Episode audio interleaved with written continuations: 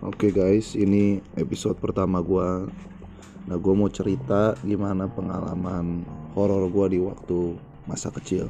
Nah, gua ternyata tuh punya kemampuan untuk bisa ngelihat sesuatu yang orang lain gak bisa lihat. Intinya gue sering lihat setan gitulah.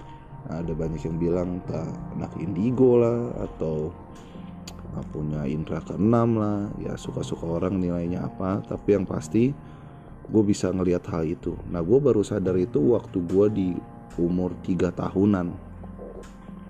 Mungkin di bawah itu juga kali ya. Cuman sadar-sadar bangetnya umur ya umur 3 tahunan.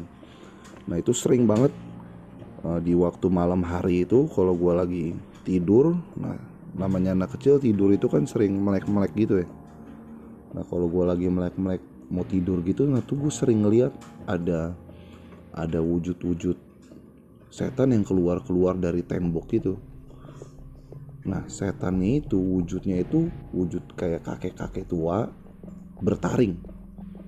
Itu kayak keluar muncul satu di tembok muncul lagi di sisi tembok lainnya. Kadang dia munculin mukanya doang. Kayak ada muka. Nah te nah tembok di rumah gua dulu tuh warnanya kayak dicat-cat warna coklat gitu. Jadi kayak muka wajah coklat sama wajah apa cat tembok itu kayak nyatu tapi bentuknya kakek-kakek tua yang bertaring.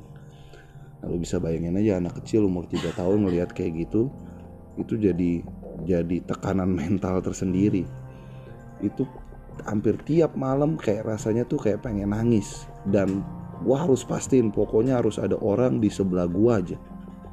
Entah itu nyokap gua ya kalau bokap gua sering sering pergi gua pengen pastiin ada ada kaki nyokap gua lah yang gua sentuh atau tangan nyokap gua bukan karena gua manja bukan tapi karena gua takut pokoknya jangan sampai nyokap gua ke aja ninggalin gua sendiri itu gua pasti pengen ikut nah itu hampir tiap malam.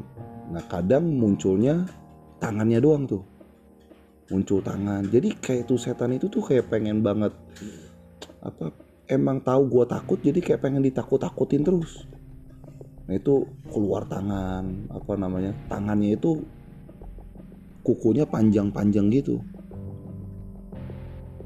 Keluar di sisi lainnya lagi. Nah pokoknya masih seputar itu gue ngeliatnya waktu di uh, masa kecil gue dulu. Nah menariknya kayak gini.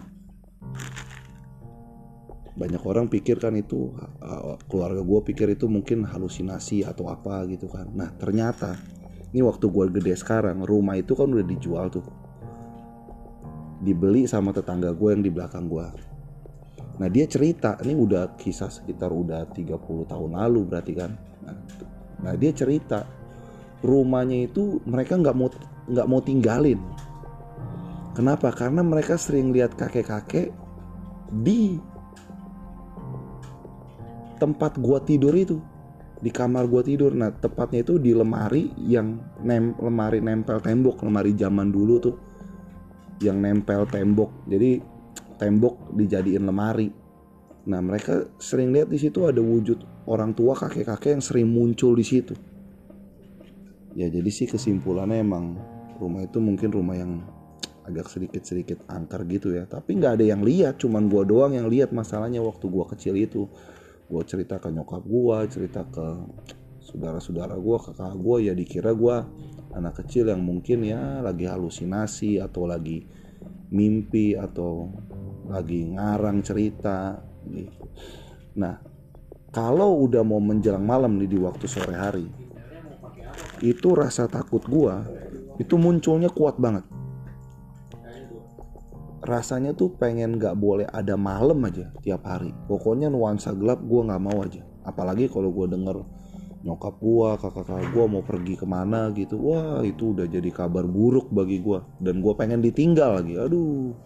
Jadi gue kecil tuh kayak kalau tiap dengar kabar gitu gue sering ngomong ikut dong ikut dong ikut dong ikut dong.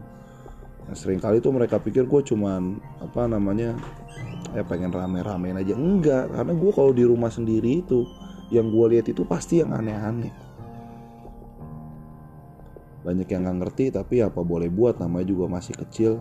Kalau udah ditinggal nih cuman gue misalnya sama apa sama mbak waktu itu masih ada pembantu. Wah itu udah jadi jadi gue menanti mereka pulang itu kadang di teras rumah gitu. Sama mbak gue kapan nih pada pulang nih? Malas masuk apa rumah karena ya horor banget.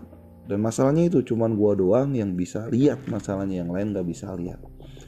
Nah itu mungkin kisah pertama yang di episode ini yang yang pengen gue ceritain. Ada lagi di usia-usia gue lanjut nah gue akan cerita tuh gimana pengalaman gue ketemu dengan hal-hal yang yang mistis yang misterius dan terkesan horor. Jadi nantikan di next episode selanjutnya